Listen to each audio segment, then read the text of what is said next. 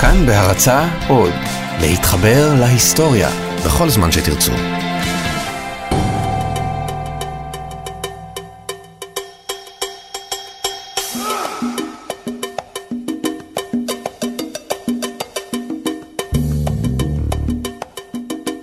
בשנת 1903 אסיר בשם וויל ווסט הגיע למעצר בליבנוורת', קנזס. היומנאי בתחנת המשטרה הביט בתמונת המעצר של ווסט וקבע, כבר ראיתי אותו בעבר. ווסט ממש לא הסכים. מעולם לא הייתי בליבנוורת', הוא אמר. אך היומנאי היה בטוח. הוא ראה את פרצופו של ווסט בעבר, ולכן הלך והוציא את התיק הפלילי, זה שהתבסס על מידות פניו של האיש. בתוך התיק היו שתי תמונות מעצר. היומנאי, אם מקלורי, הראה את התמונה לווסט, וזה התפחלץ. אלה היו שתי תמונות מהפרופיל ומהחזית שלו עצמו. זו התמונה שלי, הוא אמר, אבל אני לא יודע מאיפה יש לך אותה, כי מעולם לא הייתי פה בעבר.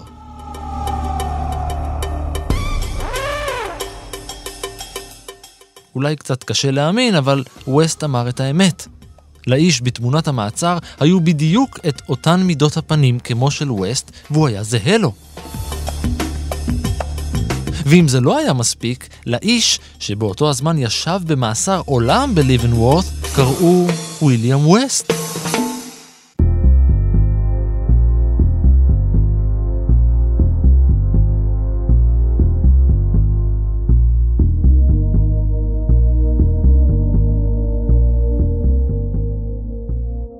היי, אני ערן מנהר ואתם על מנהר הזמן. מדי פרק אנחנו מספרים לכם על מקרה שקרה בעבר מזווית שכנראה עוד לא הכרתם. הפעם נדבר על האצבעות שלנו. זאת אומרת, על קצות האצבעות. על טביעות האצבע שאופייניות רק לנו ושמסייעות לתפוס פושעים כבר מאה שנה. הרעיון של זיהוי פושעים על ידי שימוש בתכונות פיזיות אינדיבידואליות לא היה חדש. כבר בשנת 1880 פרסם דוקטור הנרי פולדס מאמר בכתב העת המדעי Nature. זו הייתה הפעם הראשונה שבה מישהו טען שטביעות אצבע ייחודיות, שאפשר לזהות באמצעותן אנשים על ידי הטבעה של קצות האצבעות שלהם בדיו. אבל המאמר הזה של פולדס לא הטביע את חותמו.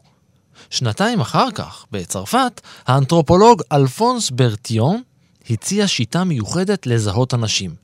הוא פיתח נוסחה. ברטיון התייחס למאפיינים גופניים של אה, בני אדם. זהו ליאור נדיבי, רב פקד לשעבר, ובעברו קצין זיהוי פלילי. הוא אמר, אם נאסוף מספיק מאפיינים, גובה, משקל, צבע עיניים, צבע שיער וכדומה, אז נגיע למספיק אה, אה, מאפיינים שיוכלו לייחד בן אדם אחד מהאוכלוסייה. הכל טוב ויפה, אבל אם לדוגמה יש לו תאומים זהים, אז יש לו קצת בעיה. לכן, ה... בתור התחלה, נקרא לזה, של אה, זיהוי אה, אנושי, זה היה נחמד, אבל זה לא היה מספיק מדויק. כשהיו, המשטרה הייתה תופסת אה, מישהו בפעם הראשונה, הייתה סדרה שלמה של מדידות שהיו מעבירים אותו, צורת האוזן שלו, הגובה שלו כמובן, המשקל שלו, ממדים כאלה ואחרים שבדקו, והיה מין כרטיסייה.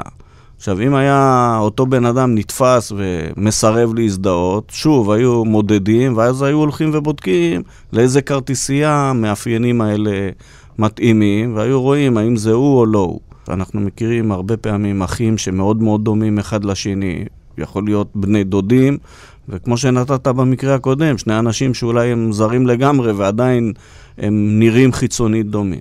ברט יון היה עילוי. זאת אומרת, לא כל חייו, כי כשהיה תלמיד בבית הספר ובתיכון הוא היה גרוע ביותר. את תעודת הבגרות שלו, למשל, הוא השיג בקושי ולא היה לו אפילו תואר אקדמי. זה לא הפריע לו להתקבל אחרי שירות צבאי למשרה פקידותית במשטרת פריז. ושם זה קרה לו.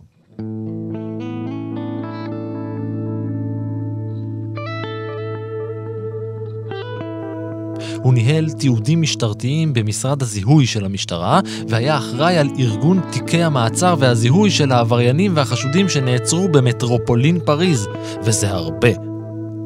איך בכלל זיהו השוטרים את הפושעים באותם הימים? החוקרים הצרפתים הבינו שעבריינים חוזרים על הפשע שלהם שוב ושוב, ועוברים עבירות באופן שיטתי. וזה, לטענת הצרפתים, אומר שיש להם אישיות עבריינית. ברטיון היה צריך לתת לכל אחד מהעבריינים והחשודים זהות ואישיות משלו. ניצני האנתרופולוגיה נבטו בו.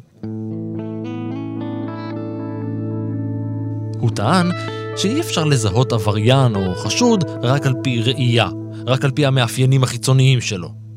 ברטיון אמר שצריך שיטה. רק שב-1871 הגיעה האש.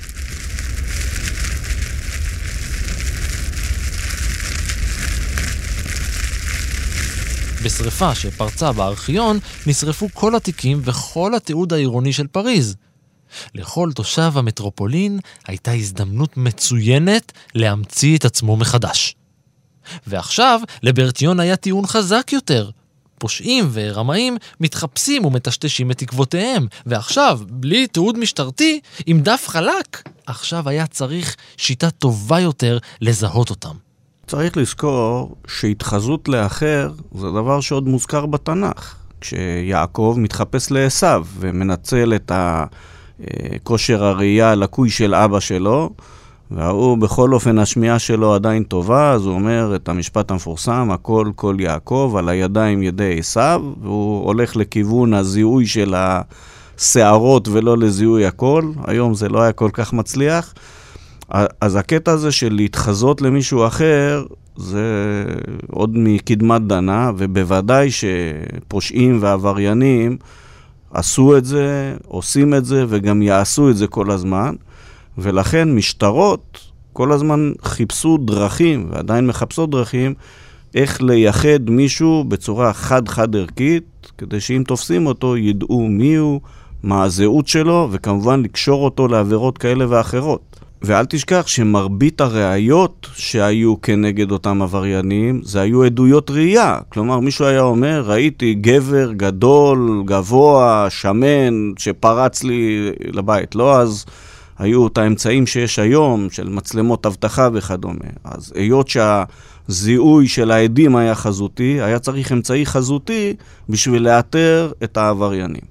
ברטיון השתמש באנתרופומטריה, מידות חלקי הגוף השונים, בסטטיסטיקה, בלשון ואוצר מילים של החשוד, והסתמך על הדיוק האופטי של המצלמה שתיעדה אותו. לא, לא רק זה, הוא נתן הנחיות מאוד מאוד מדויקות כיצד לצלם. כלומר, כולם היו צריכים להיות uh, מצולמים במרחק מסוים מהעדשה, והמפתח של העדשה זה לא היה כמו המצלמות של היום, זה היה משהו שהיה נקבע ידנית. המפתח היה צריך להיות קבוע, תאורה בזווית מסוימת, ואז כשהוא בנה בסיס אחיד להשוואה, אז אפשר היה לראות את ההבדלים, אחרת uh, מספיק להזיז טיפה תאורה כדי שאף של מישהו ייראה או טיפה יותר ארוך או טיפה יותר קצר. אז הוא מאוד מאוד הקפיד, כי האמצעים שלו לא היו הכי משוכללים, אז הוא ניסה לצמצם את מרווחי הטעות. צורת הקטלוג הזו של בני אדם נודעה כשיטת ברטיון.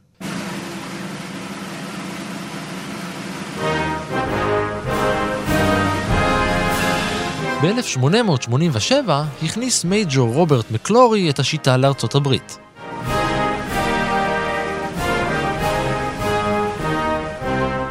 מקלורי היה מנהל כלא אילינוי, והוא שכנע את איגוד מנהלי בתי הסוהר לעשות שימוש בשיטה עוד באותה השנה. לא רק בארצות הברית, אלא גם בקנדה. אנחנו עוד נחזור אל מקלורי יותר מאוחר. בינתיים, תסתכלו רגע על האצבעות שלכם. בקצה של כל אחת מאצבעותינו יש חריצים קטנים. שכבת האור באזור הזה מתרוממת לסירוגין ויוצרת חריצים שונים ומשונים. זה קורה גם ברגליים, גם בכף היד ואפילו בכף הרגל. הסיבה הביולוגית פשוטה, להגדיל את שטח פני האור כדי להגביר את יכולת האחיזה. בנוסף לזה, אם האצבעות נוגעות במשטח מחוספס, הרעידות שעוברות מפני האור אל המערכת העצבית מוגברות על ידי החריצים האלה. בשנת 1665 הרופא האיטלקי מרצ'לו מלפיגי הזכיר את החריצים האלה באחד מספריו. ו-20 שנה אחר כך עשה את אותו הדבר רופא אנגלי שגם פרסם עבודת מחקר בנושא. אחרי עוד 100 שנה, ב-1788, הגרמני יוהאן כריסטוף אנדריאס מאייר הבחין במשהו בפעם הראשונה. הוא שם לב שיש לכל אחד מאיתנו טביעת אצבע שונה.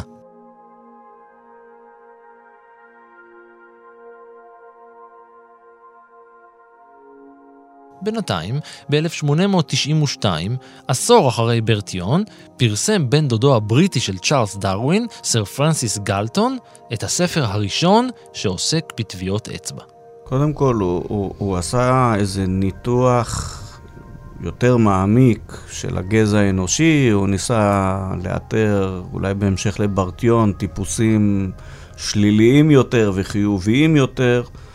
ובין היתר הדברים הוא מדבר על הצורה של טביעות האצבע, כשהוא זיהה איזה שלוש צורות שחוזרות על עצמם, וזה היה רמת ההבחנה שלו, והוא חשב שאפשר יהיה להשתמש בזה, אולי לזהות אנשים, אבל הוא, הוא עוד לא כל כך עמד על הערך האמיתי של זה, של זיהוי אנשים. עד שימציאו מונח למאפיינים האינדיבידואליים של כל אחת מטביעות האצבע שלנו, הם נודעו בשם פרטי גלטון.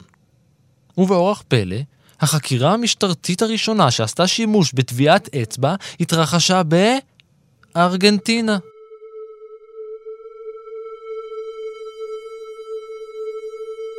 באותה השנה, 1892, נחקר מה שנודע כרצח רוחס. אישה שרצחה את שני בניה וחתכה לעצמה את הצוואר, ניסתה להטיל את האשמה על מישהו אחר. רק שהמשטרה מצאה את טביעות אצבעותיה על משקוף אחת הדלתות, מה שהוביל להרשעה שלה.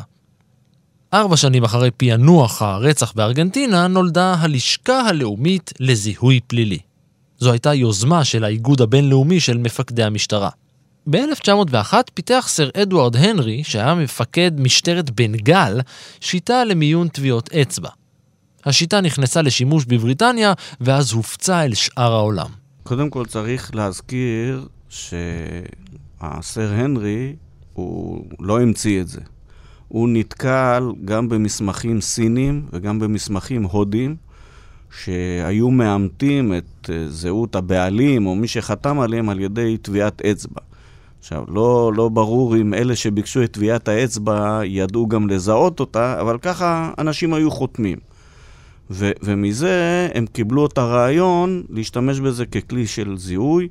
הוא הרחיב את השיטה, הוא זיהה אה, עוד אה, סימנים מאפיינים, והוא מדבר על חמש צורות, הוא למשל את הלולאות חילק ללולאה ימנית, לולאה שמאלית, לולאה כפולה. ואני חושב שהוא גם התחיל לשים לב למה שאנחנו קוראים הרכב, כלומר, לצירוף של הסימנים על האצבעות, שגם הוא שונה. זה לא שלבן אדם אחד יש אך ורק לולאות, יכול להיות לו לולאה בזרת ימין ואוהל באצבע שמאל וכדומה. והיות שהוא שם לב, אני מתאר לעצמי שהוא גם ערך כל מיני בדיקות ומחקרים ברקע, הוא אמר שיש פה כלי לזהות אה, בני אדם. אבל השיטה לא אומצה מיד באופן גורף. משטרות באופן כללי הם גופים מאוד שמרניים. במקרה היום היינו בהרצאה שראשת מז"פ הנוכחית סיפרה על תהליכים שהחטיבה עוברת, וגם היא אמרה, זה לא עובר כל כך בקלות. אנשים יש להם התנגדות טבעית לשינוי, בטח מפקד משטרה שיש לו איזו שיטה שעובדת, אומר, מה אתה בא אליי פתאום עם כל מיני רעיונות חדשים? גם בדרך כלל זה דורש תקציבים כספיים שאף אחד לא שש לוותר עליהם. אז מטבע הדברים, שיטות חדשות, לוקח זמן שהן נקלטות. גם צריך בדרך כלל שיבוא איזה מקרה שיגידו, וואו, הנה, השיטה הזאת עשתה את ההבדל, בואו נאמץ את זה. זה דרך אגב קורה עד היום. הוא עבד במקום מסוים, ולצרכים שלו זה היה טוב מאוד. ובמשטרות אחרות אולי אמרו, לנו אין בעיה, יש לנו את החמישים עבריינים של העיירה שלנו, אנחנו מכירים את כולם. או במקום אחר אמרו, יש לנו את השיטה של ברטיון וזה מספיק לנו. עד שהם נתקלים במקרה שהם אומרים, פה מה שיש לנו בזירת עבירה זה אך ורק טביעת אצבע, ויש לנו עשרה חשודים אפשריים, איך אנחנו קושרים אחד מהם? אין ברירה, צריך להשתמש בשיטה הזאת. איך בכל זאת הפכה השיטה לנפוצה ולמה אנחנו מסתמכים עליה עד היום? או, זוכרים את וויליאם ווסט וויליאם ווסט? על פי שיטת ברטיליון, השניים היו זהים בכל פרמטר.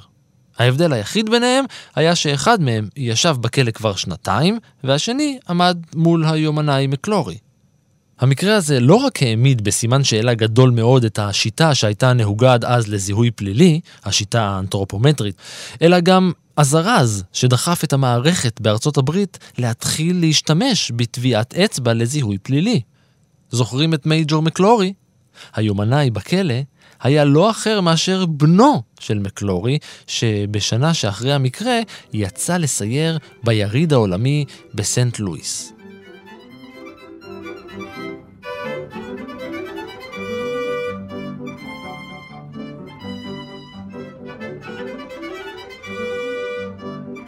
בין שאר האטרקציות הוא פגש את ג'ון פרייר, סמל מהסקוטלנד יארד.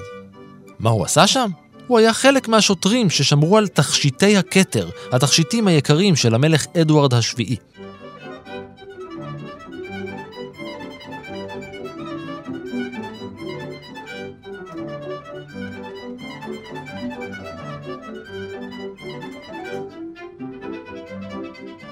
פרייר סיפר למקלורי על השיטה החדשה שבאנגליה משתמשים בה כבר שלוש שנים. מקלורי הצעיר נדלק. במסגרת היריד, פרייר העביר קורס על טביעות אצבע, והסוהר ישב אצלו בכיתה. כשחזר הביתה, סיפר לאבא על השיטה החדשה והמדעית לזיהוי פלילי, והמייג'ור ביקש וקיבל אישור להכניס את השיטה אל הכלא של בנו, ליבנוורת.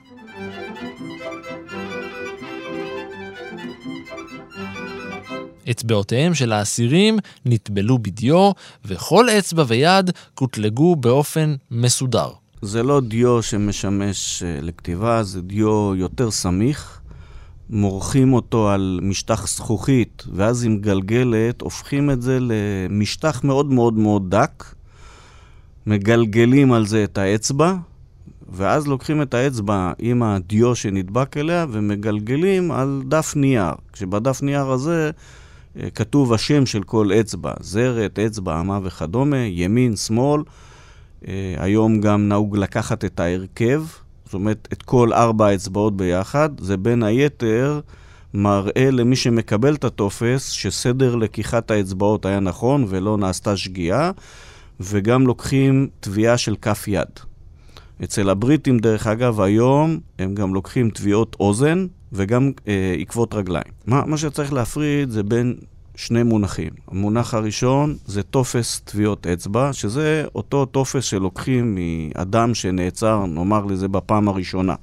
פעם ראשונה שהוא נכנס למערכת הכליאה, לוקחים ממנו טביעות אצבע עם כל הפרטים שלו, תעודת זהות וכדומה, שם מלא, ולפעמים גם מצמידים לזה תמונה. בזירות עבירה, בדרך כלל מוציאים מה שנקרא מעתק. זאת אומרת, יש איזו תביעה שמישהו השאיר, איש הזיהוי מעתיק אותה.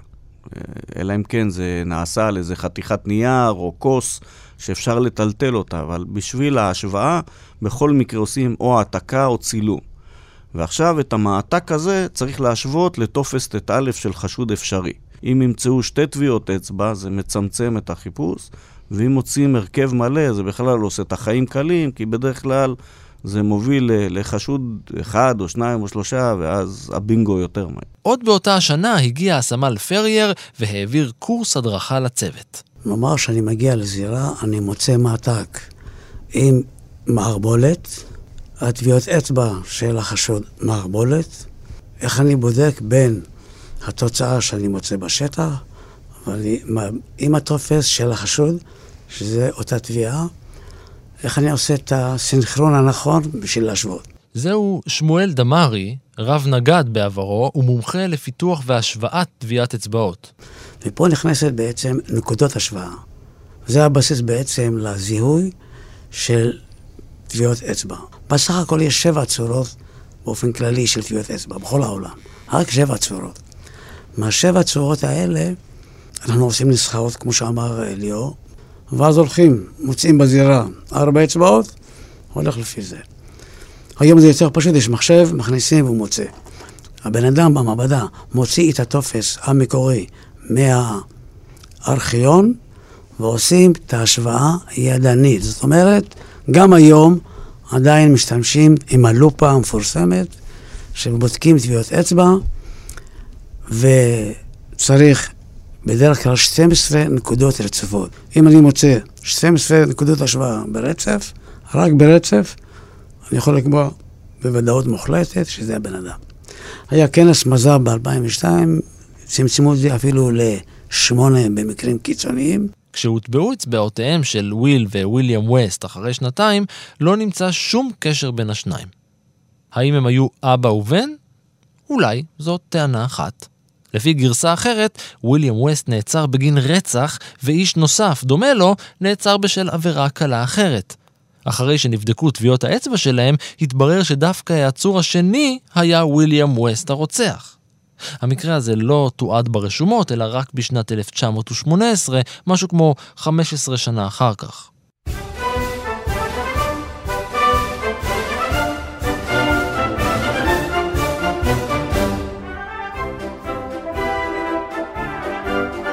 ב-1905 מאמץ גם הצבא האמריקאי את טביעות האצבע, ומיד אחריו מצטרפת גם המשטרה.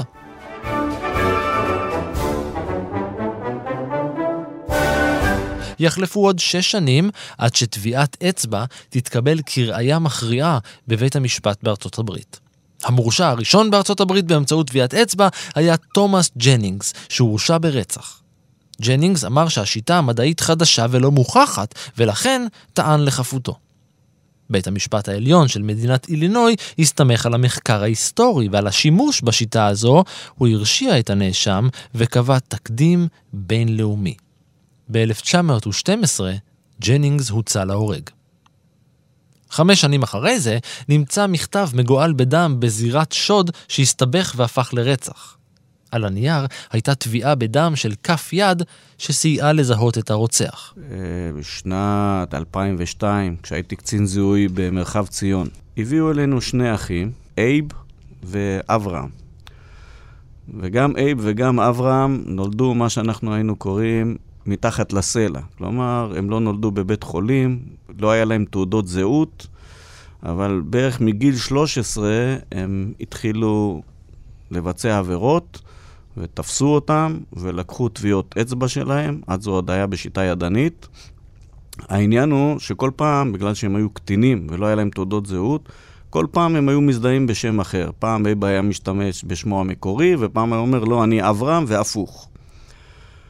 ויום אחד תפסו את שניהם, ואז מביאים אותם לבית משפט, וכבר היה להם גיליון שלם של עבירות, אבל גם בבית משפט. כשהשופט שואל מי פרץ לדירה הזאת, כל אחד אומר זה לא אני, זה הוא, או שלפעמים הוא אומר זה כן אני וזה לא הוא, והשופט באיזשהו שלב התרגז ואמר אני רוצה לדעת מי עשה מה, אחרת אני פשוט משחרר אותם. החוקרים היו עובדי עצות, באו אלינו, אמרו מה, מה עושים?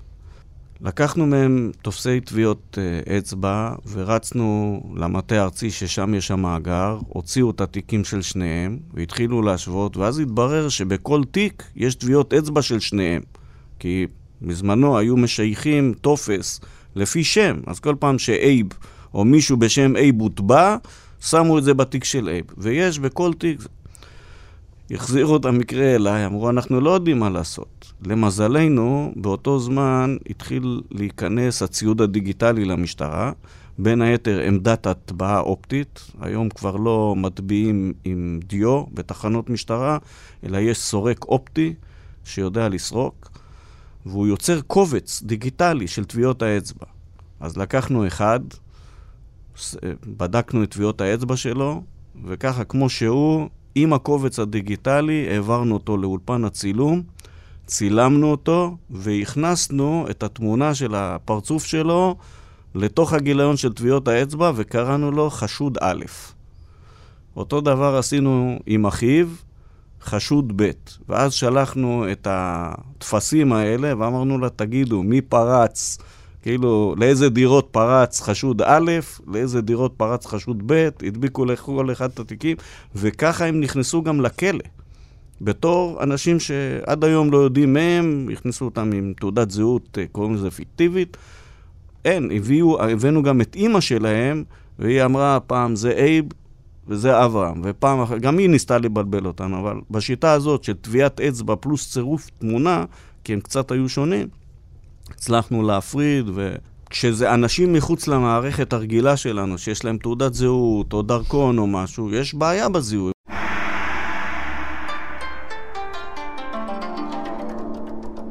בסין העתיקה, בשנת 300 לפני הספירה, השתמשו בהטבעה של כף היד כראיה מזירת פשע ובמשפטים. דרך אגב, היום ככה מזהים אנשים בשדה תעופה, עם כף היד.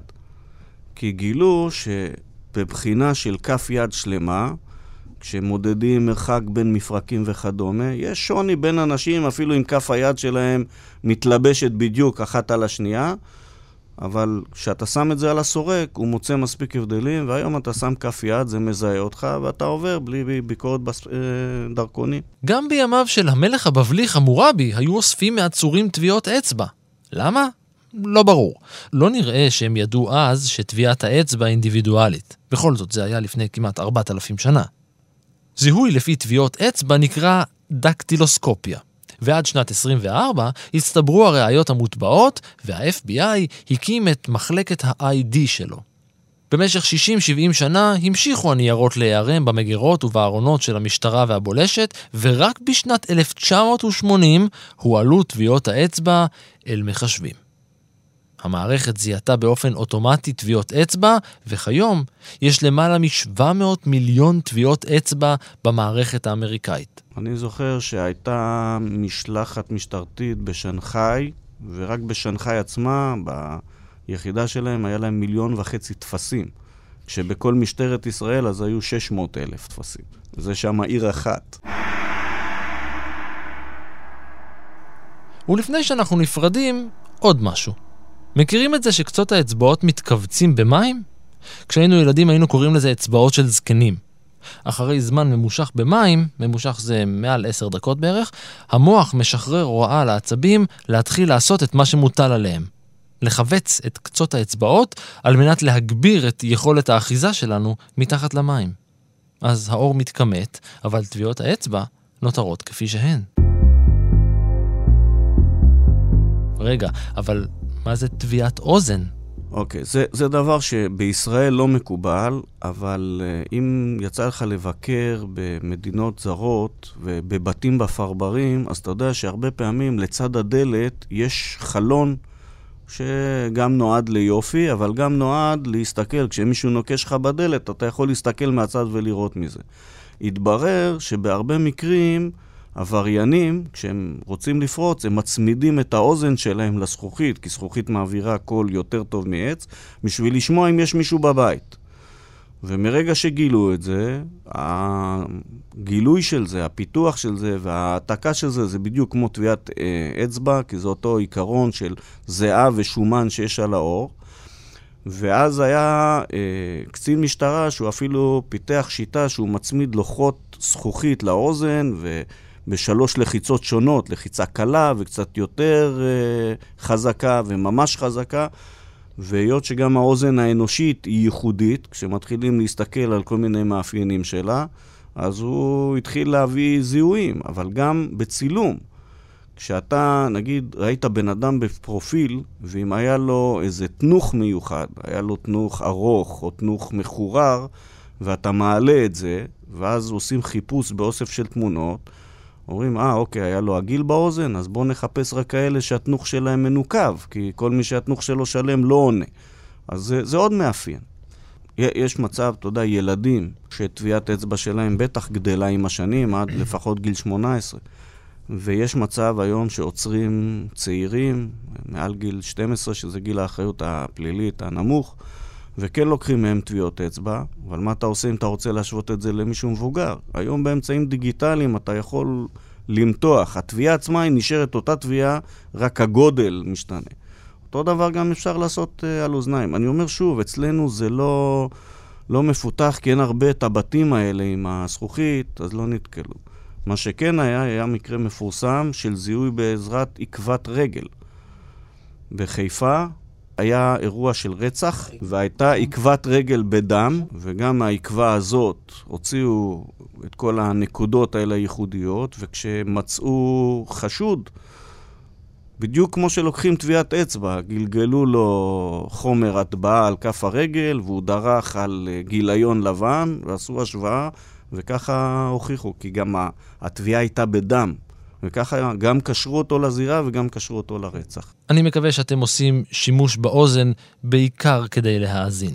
העובדה הדי מדהימה לגבי טביעות אצבע, שלמרות שהשימוש בהם במערכת הפלילית הוא, אני חושב, מעל 100 שנה כבר, עדיין עבריינים, גם כאלה שנכנסו לכלא בגלל גילוי טביעת אצבע שלהם, עדיין נכשלים. אם זה לפעמים שהם לובשים כפפות, אבל איך שהם יוצאים מזירת העבירה, הם מקלפים את, ה... את הכפפות וזורקים אותן. והיום גם יש DNA, אז גם אפשר לדגום DNA מהזיעה שלהם, ובכלל לתפור. ולמרות שה-DNA הוא, הוא תופס חלק יותר גדול באמצעי הזיהוי שהמשטרה מפעילה, עדיין טביעות אצבע זה כלי מאוד מאוד חזק, והם עושים אלפי השוואות מדי שנה, עדיין.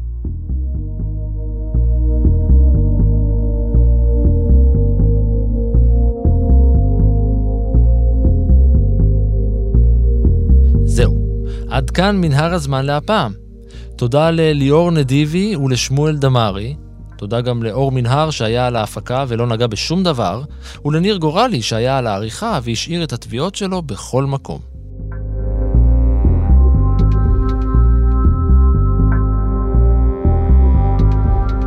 היכנסו לאתר שלנו כאן.org.il, שם תוכלו למצוא עוד פרקים של מנהר הזמן וסיפורים נוספים בלתי נתפסים מההיסטוריה. אתם מוזמנים לעקוב אחריי ברשתות החברתיות, בפייסבוק ובטוויטר, להגיב, להציע רעיונות ובעיקר להתחבר. אני ערן מנהר, נשוב וניפגש בפרק הבא.